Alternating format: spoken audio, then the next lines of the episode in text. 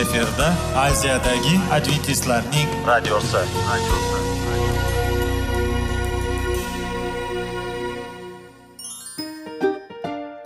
Assalomu alaykum aziz radio tinglovchilar.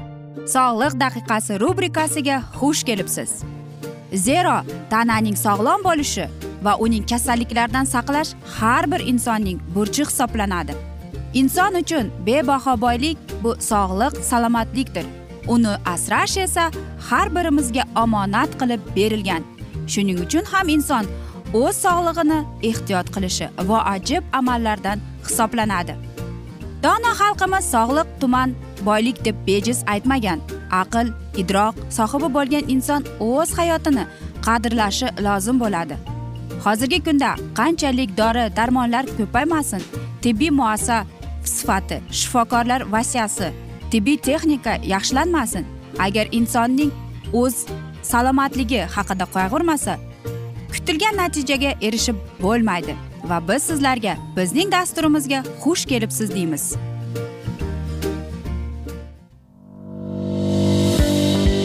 Sog'liq daqiqasi soliqning kaliti qiziqarli ma'lumotlar faktlar.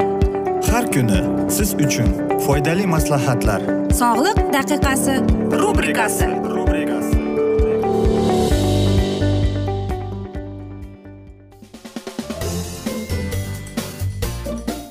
assalomu alaykum aziz radio tinglovchilar. Dasturimizga xush kelibsiz va biz sizlar bilan sog'lom ovqatlanish degan dasturda xushvaqt bo'ling deb aytamiz. Va bugungi bizning dasturimizning mavzusi qon uchun oziq ovqat deb nomlanadi. Siz aytasizki nahotki bizning qonimiz ham ovqatlanadimi? Ha aziz do'stlar albatta ovqatlanadi. Va nega deymizmi? Bu u temir modda bilan ovqatlanadi bizning qonimiz. Shuning uchun ham aziz do'stlar e, bizning bizga kamqonlik degan tashxis qo'yilganda biz o'ylanib qolishimiz kerak. Biz to'g'ri ovqatlanyapmizmi? Biz o'zimizning qonimiz uchun ovqat beryapmizmi deb. Albatta javobingiz ha men ovqatlanaman deb aytishingiz mumkin lekin siz to'g'ri ovqatlanyapsizmi degan savol keladi. Agar masalan trombozga kelsak tromboz ham qon kasaliga kiradi aziz do'stlar. Shuning uchun ham nega? Tromboz bu qon o'zi quyilishga yordam beradigan narsa. Agar unday bo'lmasa demak qandaydir sizda jiddiy muammo bor. Ya'ni aytaylik siz birorta joyingizni sekin kesib oldingiz to'g'rimi? Kimdadir qon darrov to'xtaydi kimdadir esa uzoq vaqtgacha to'xtamaydi. Shuning uchun ham e, buni qon quyilmaslik deb ataladi. Nega? Trombozning kelib chiqishi nimada deb aytasiz to'g'rimi? Bu ateroskleroz bo'lishi mumkin. E, yoki aytaylik siz parhezdasiz va yoki ko'p tuz iste'mol qilasiz. Yoki sizning qoningizda ko'plab toksinlar bor. Yoki siz sigaret chekasiz aziz do'stlar. Va albatta jismoniy mashqlar bilan shug'ullanmaysiz. Yoki yoki aziz do'stlar biz kerak emas mana shunday mahsulotlarni iste'mol qilamiz.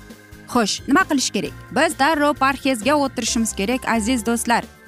Nega deysizmi?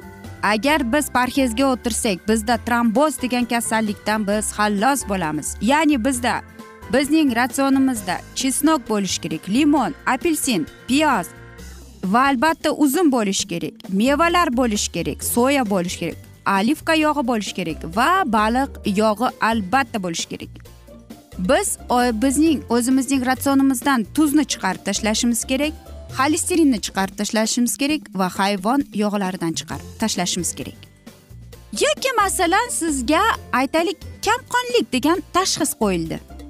Kamqonlik haqida suhbat o'tkazmay qo'yaveraylik. Buni hammamiz bilamiz. Lekin nega sizga shunday tashxis qo'ydi siz o'ylanib ko'rdingizmi? Yo'q aziz do'stlar. Chunki siz o'zingizning qoningizga kerakli ovqat bermagansiz. Shuning uchun ham parhezga o'tirishdan avval siz bir narsani yodda tuting. Birinchi o'rinda bu oziq ovqatda sizda temir bo'lishi kerak belok vitamin b o'n ikki foliyaviy kislota bo'lishi kerak va eng bu muhim hisoblanar ekan vitaminlardan. Vitamin b bir b ikki b olti c e va med ham eng kerakli qon chiqarishda ishlab chiqarishda eng kerakli usullardan. Xo'sh biz o'zimizning dasturxonimizda nimani ko'rishimiz kerak? Soya. Meva sabzavot ko'kat ko'proq bo'lishi kerak aziz do'stlar. Qizilcha ko'proq bo'lishi kerak shpinat avokado semichka bo'lishi kerak ekan va albatta aziz do'stlar uzum bo'lishi kerak o'rik bo'lishi kerak limon temir yog' bo'lishi kerak go'sht bo'lishi kerak. Lekin go'sht ham hammasi emas. Foliyaviy kislota vitamin b o'n ikki vitamin b e va c xo'sh biz aytamizki nega biz shu narsalarni iste'mol qilishimiz kerak? Aziz do'stlar aynan mana shu mahsulotlar bizni qonimizni ko'paytiradi. Bizning qon e, litsitimizni ko'tarib keladi va biz o'zimizni yaxshi his etamiz. Xo'sh nega bizda mana shunday kasallik mana shunday tashxislar qo'yilgan?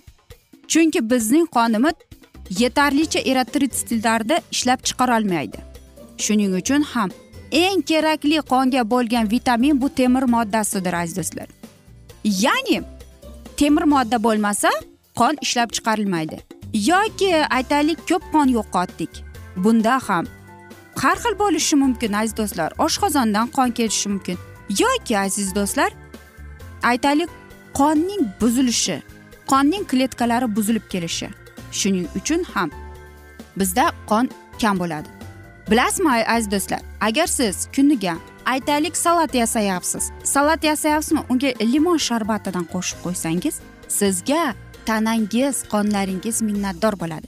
Agar siz o'zingizni sog'lom xushchaqchaq his etaman desangiz demak mana shunday yuqorida aytib o'tilgan mevalar sabzavotlar salatlarni limon sharbati foliyaviy kislotalarmi hammasini iste'mol qilishga harakat qiling. Va albatta jismoniy mashqlar. Chunki faqat mevalar va sabzavotlar bilan kun o'tib qolmaydi.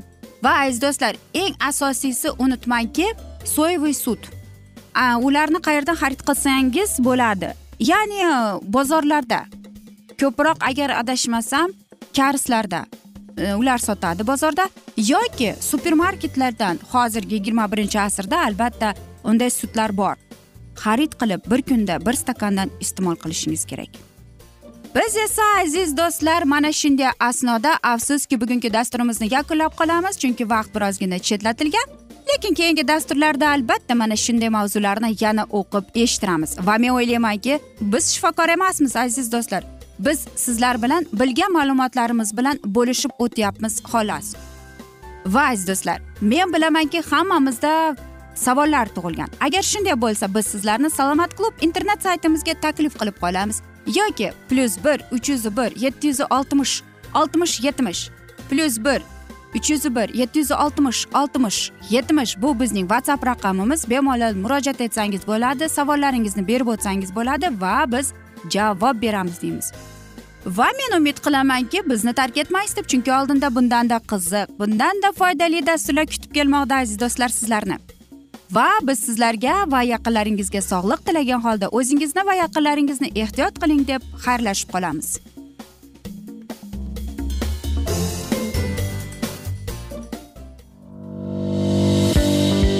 Sog'liq daqiqasi soliqning kaliti qiziqarli ma'lumotlar faktlar. Har kuni siz uchun foydali maslahatlar. Sog'liq daqiqasi rubrikasi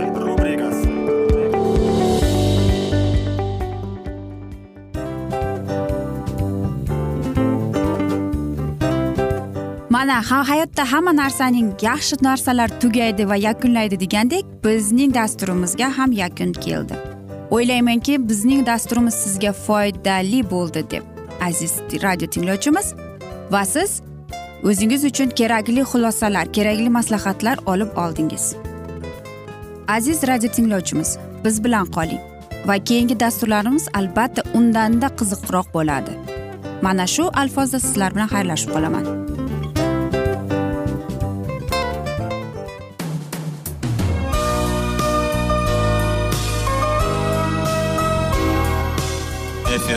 Aziyadagi adventistlarning radiosi.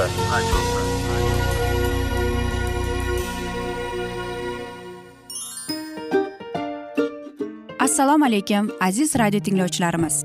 Dil izhori dasturimizga xush kelibsiz. Pul insonni baxtli qiladimi? Albatta yo'q. Sog'liqchi. Albatta bo'lishi mumkindir. Lekin olimlar shuni isbotlashdiki to'liq va mukammal munosabatlar insonlarni baxtli qilar ekan. Albatta biz hayot davomida biz yaqin insonlar bilan odamlar bilan aloqada bo'lamiz va ular bilan munosabatlarimiz qanday kechadi qanday tuziladi? Yigit va qiz er va xotin ota ona va farzandlar va yaqin insonlar bilan. Balkim hozirgi vaqtda kimnidir hayoti yoki munosabatlari buzilyapti. Va bizning dasturlarimiz ularga yordam bo'ladi deb. Va oldinda sizlarni qiziqarli intervyular va mavzular kutyapti va biz umid qilamizki siz biz bilan qolasiz deb.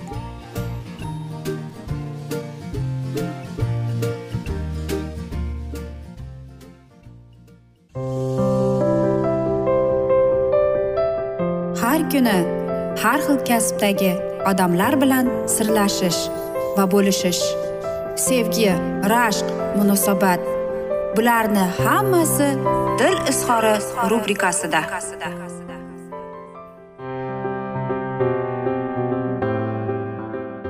Assalomu alaykum aziz radio tinglovchilar. Dasturimizga xush kelibsiz va bugun biz sizlar bilan izlash va ushlab qolish degan dasturda xushvaqt bo'ling deb aytamiz va bugungi bizning dasturimizning mavzusi bu oilaviy nizolar deb ataladi va bu uchinchi qismdir.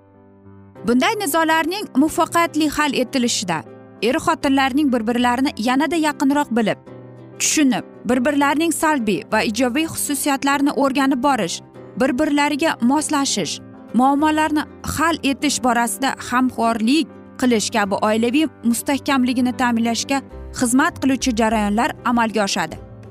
Boshqacha qilib aytganda bunday nizolar er xotinning urushi doka ro'molning qurishi kabi nizolar toifasiga kiradi. Doka ro'molning qurishi er xotin o'rtasidagi hamkorlikni rivojlantiradi.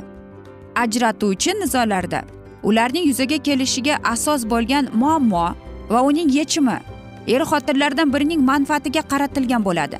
Bunday nizolarda bir tomondan manfaatning hal etishili ko'pincha ikkinchi tomon e, manfaatining boy berilishi hisobiga amalga oshadi. Masalan erni yoki xotinni shaxsan o'zi uchun biror nima xarid qilishi erning yoki xotinining ishi tufayli. O'zbek oilasi uchun xarakterli bo'lgan nizolardan bo'lmish er yoki xotinning qarindosh urug'lari bilan bo'ladigan munosabatlar tufayli yuzaga keladigan nizolar shular jumlasiga kiradi. Bunday nizolarning hal qilishni yana bir tomon manfaatlarning qondirilishi ko'pchilik holatlarda. Ikkinchi tomon manfaatlarning boy berilishi hisobiga amalga oshadi. Bunday vazifalar vaziyatlarda manfaatni boy berilgan tomonda norozilik e'tiroz saqlanib qoladi va bu keyinchalik yana kuchayib navbatdagi nizoni yuzaga kelishiga asos bo'lib xizmat qilishi ham mumkin. Ajratuvchi nizolarda nizo hal etiladigan bilan nizoli vaziyat saqlanib qolaveradi. Shuningdek ajratuvchi nizolar ularni yuzaga keltirgan sabablar bevosita. Er xotinlarning o'zaro munosabatlarini doirasida tashqaridagi omillarga ham bog'liq bo'ladi. Ularning sababchilari va ishtirokchilari ham ba'zan er xotindan tashqari uchinchi odam bo'lishi mumkin.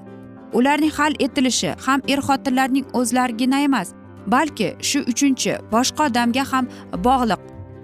Xo'sh bularning oqibatida nizolarini yana juda kuchayishni sonining orttirishi kuzatiladi. Ajratuvchi nizolar aksariyat hollarda chegaralanmagan nizolar bo'lib o'z xarakteri ishtirokchilari hal etilishi va oqibatlariga ko'ra er xotin munosabatlari doirasidan chetga chiqadi.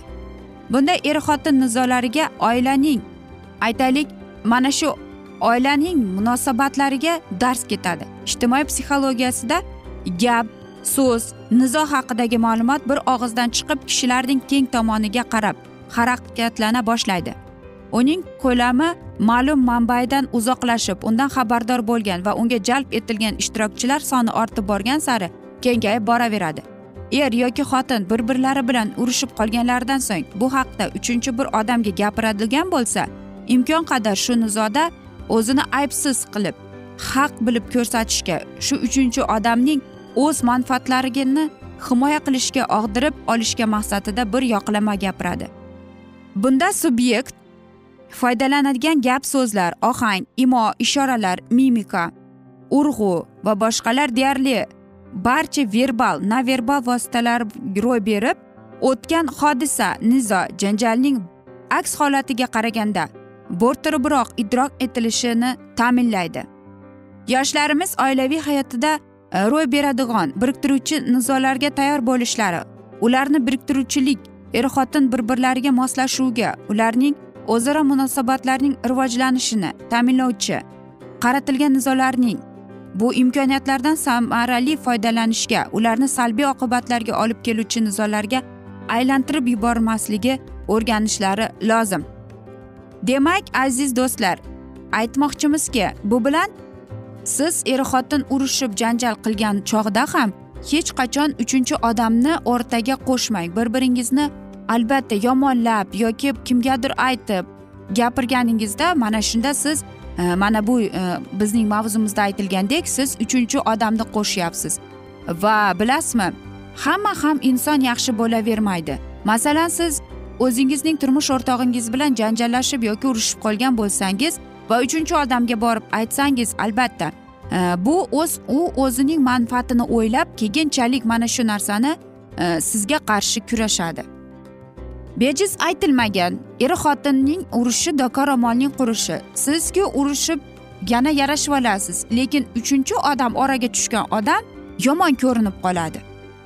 Shuning uchun ham yosh oilalarga mana shunday psixologik tomondan o'ylaymanki e, mana shunday maslahatlar mana shunday e, ota onaning yordami ayniqsa e, bizning qaynona qaynotamiz dono bo'lib aqlini ishlatib oila mana shu yosh oila urushib janjal qilgan bo'lsa ham aralashmasa men o'ylaymanki ko'plab oilalar saqlanib qoladi deb. Chunki ular urushadi janjallashadi.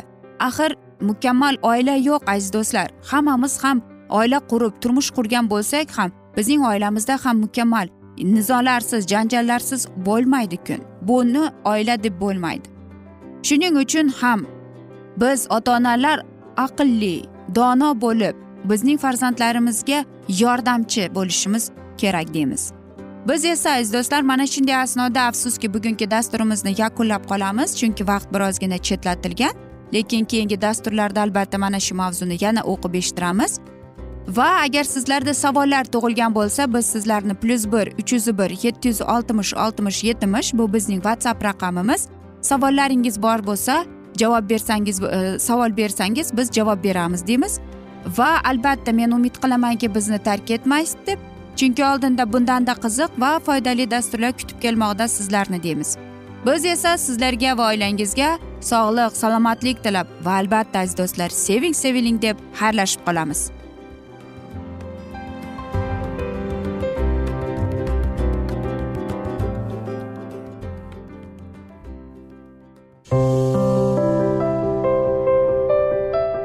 Har kuni har xil kasbdagi odamlar bilan sirlashish va bo'lishish sevgi rashq munosabat bularni hammasi dil izhori rubrikasida. Mana aziz radio tinglovchimiz bizning go'zal va foydali va chiroyli dasturimiz yakunlanib bormoqda. Sizlarga birozgina maslahat berib o'tmoqchi edik. Bir biringizni seving qadringizga yeting. Va erkalang albatta bir biringizni va sizga judayam chiroyli va mustahkam munosabatlar tilab qolamiz albatta. Sevgilingiz doimo yoningizda bo'lsin. Mana shu borada sizlar bilan xayrlashib qolamiz. Xayr.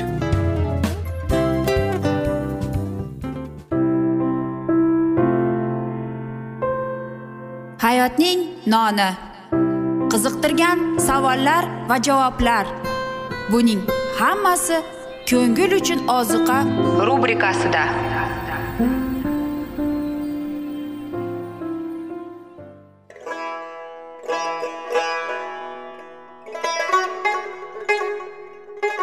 Assalomu alaykum aziz radio tinglovchilarimiz. Ko'ngil uchun oziqa rubrikasida xush kelibsiz deymiz. Siz haqiqatni izlayapsizmi? Olamnimi? Umidnimi? Siz kimga murojaat qilmoqchisiz? Odamlar ko'pincha siyosat kuchiga tayanadilar. Dunyo iqtisodiyoti holati tobora chuqurlashib bormoqda. Tabiiy ofatlar va texnogen halokatlar minglab insonlarning hayotini olib ketib juda katta zarar yetkazmoqda. Sizga abadiy hayot inomini hadya qiluvchi va hayotingizni tubdan o'zgartiruvchi haqiqatni izlab toping. Xudo haqidagi haqiqat uning kalomida mujassamlashgan. Kimki bu haqiqatni butun qalbi bilan izlasa albatta unga yetishadi. Bu sevgi xudoning tarixidir. Hayotingizda yoki sizning yon atrofingizdagi olamda nimalar yuz berishidan qat'iy nazar? Siz ertagi kunga buyuk umid va ishonch hosil qilishingiz mumkin. Hozirda xudo sizga taklif qilayotgan umid ishonchga o'z qalbingizni oching va sizni qiziqtirayotgan mavzularni savollaringizga javoblaringizni topib olasiz deb umid qilamiz. Biz bilan qoling.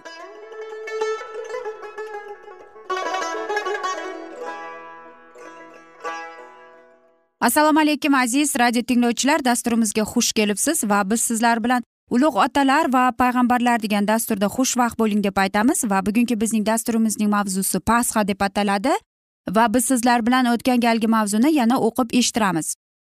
Pasxa bayrami misr yeridan e, qutulib chiqqaniga eslatmay bu buyuk najot topishning ramzi edi. Simvolik tarzda u o'z xalqini gunoh zulmatidan xalos qiladigan masihning buyuk xizmatiga ko'rsatardi.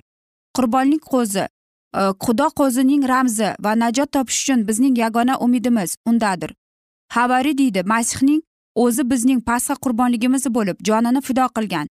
Qo'zini faqat so'yishganiga yetishmas balki uning qoni bilan eshik busag'alarini bo'yash kerak edi.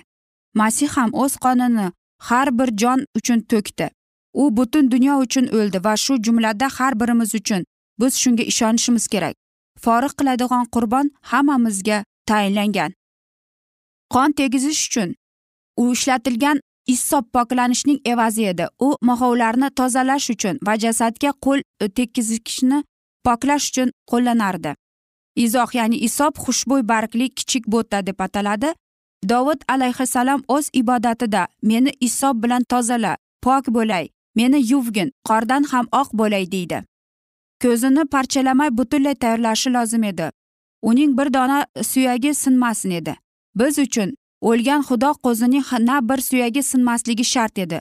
Bu masih keltirilgan qurbonning kamolotining belgilaydi.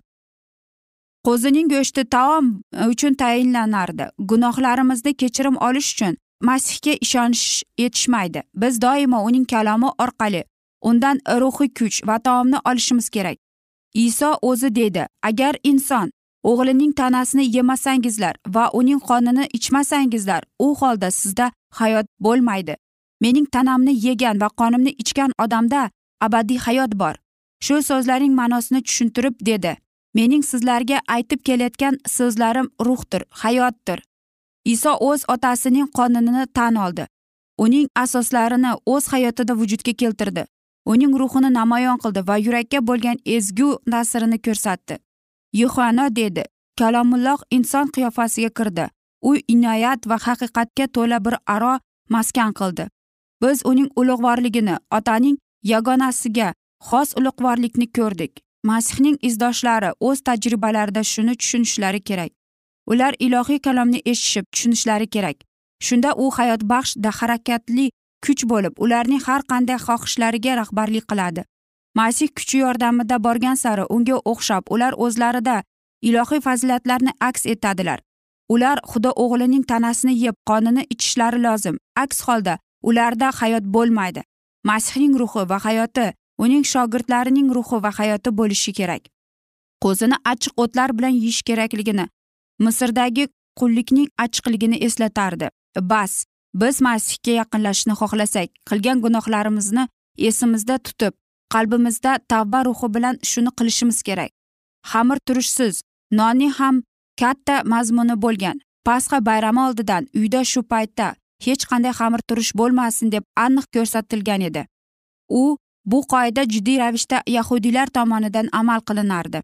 Xuddi shunday kim masihdan hayot va taomni olmoqchi bo'lsa gunohning xamir turishdan bo'shamog'i lozim. Aziz havoriy pavel karinfinlik jamoatiga yozgan maktubida sizlar aslida xamir turishsiz bo'lishingiz kerak. Shunday qilib eski xamir turishni supurib tashlang yangi xamir bo'linglar. Masihning o'zi bizning pasxa qurbonligimiz bo'lib jonini fido qilgan.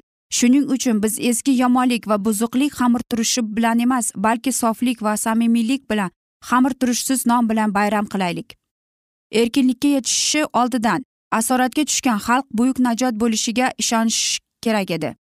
Ularning uylarida qonli belgi bor etgan.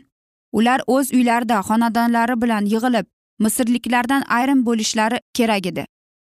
Agar isroilliklar ko'rsatmaning bir nuqtasini e'tiborsiz qoldirganlarida agar ular misol uchun o'z farzandlarini misrliklardan ayirmaganida edi u yoki qo'zini o'ldirib eshik bo'sag'asini qonga bo'yamaganlarida edi yoki uydan chiqishga g'ayratlanganlarida ular bexatar bo'lmasdilar.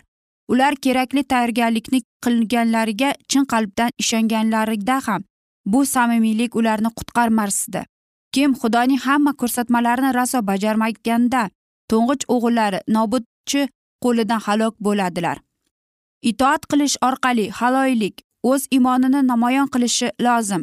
Bas kim masih qonini yarashga qutulishga umid bog'lasa bir narsani tushunishi kerak. Najot topish uchun odamlar o'zlari harakat qilishlari kerak. Biz jazo olishga munosibmiz.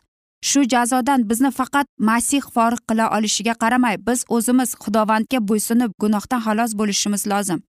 Inson ishlari tufayli emas balki iymon orqali najot topadi. Ammo iymon amal qilishda namoyon bo'lishi lozim. Xudoning o'g'li butun dunyoning gunohlarini yuvish uchun qurbon bo'ldi. Ota o'g'lini berdi. U dunyoga haqiqat nurini hayot yo'lini ayon qildi. U insonga alohida imkoniyatlar ko'rsatma va afzalliklar berdi va inson najot beradigan vositalarni iste'mol qilishi kerak. Uning najoti xudo tomonidan nazarga olingan hammasini baholab u ishlashi kerak va albatta ilohiy talablariga ishonib bo'ysunishi lozim. Aziz do'stlar mana shunday asnoda biz bugungi hikoyamizni yakunlab qolamiz. Afsus vaqt birozgina chetlatilgan lekin keyingi dasturlarda albatta mana shu mavzuni yana o'qib eshittiramiz. Va agar sizlarda savollar tug'ilgan bo'lsa biz sizlarni plyus bir uch yuz bir yetti yuz oltmish oltmish yetmish whatsapp raqamimizga murojaat etsangiz bo'ladi. Va albatta men umid qilamanki bizni tark etmaysiz deb chunki oldinda bundanda qiziq va foydali dasturlar sizni kutib kelmoqda deymiz aziz do'stlar. Va sizlarga va oilangizga tinchlik xotirjamlik tilab o'zingizni va yaqinlaringizni ehtiyot qiling deb xayrlashib qolamiz.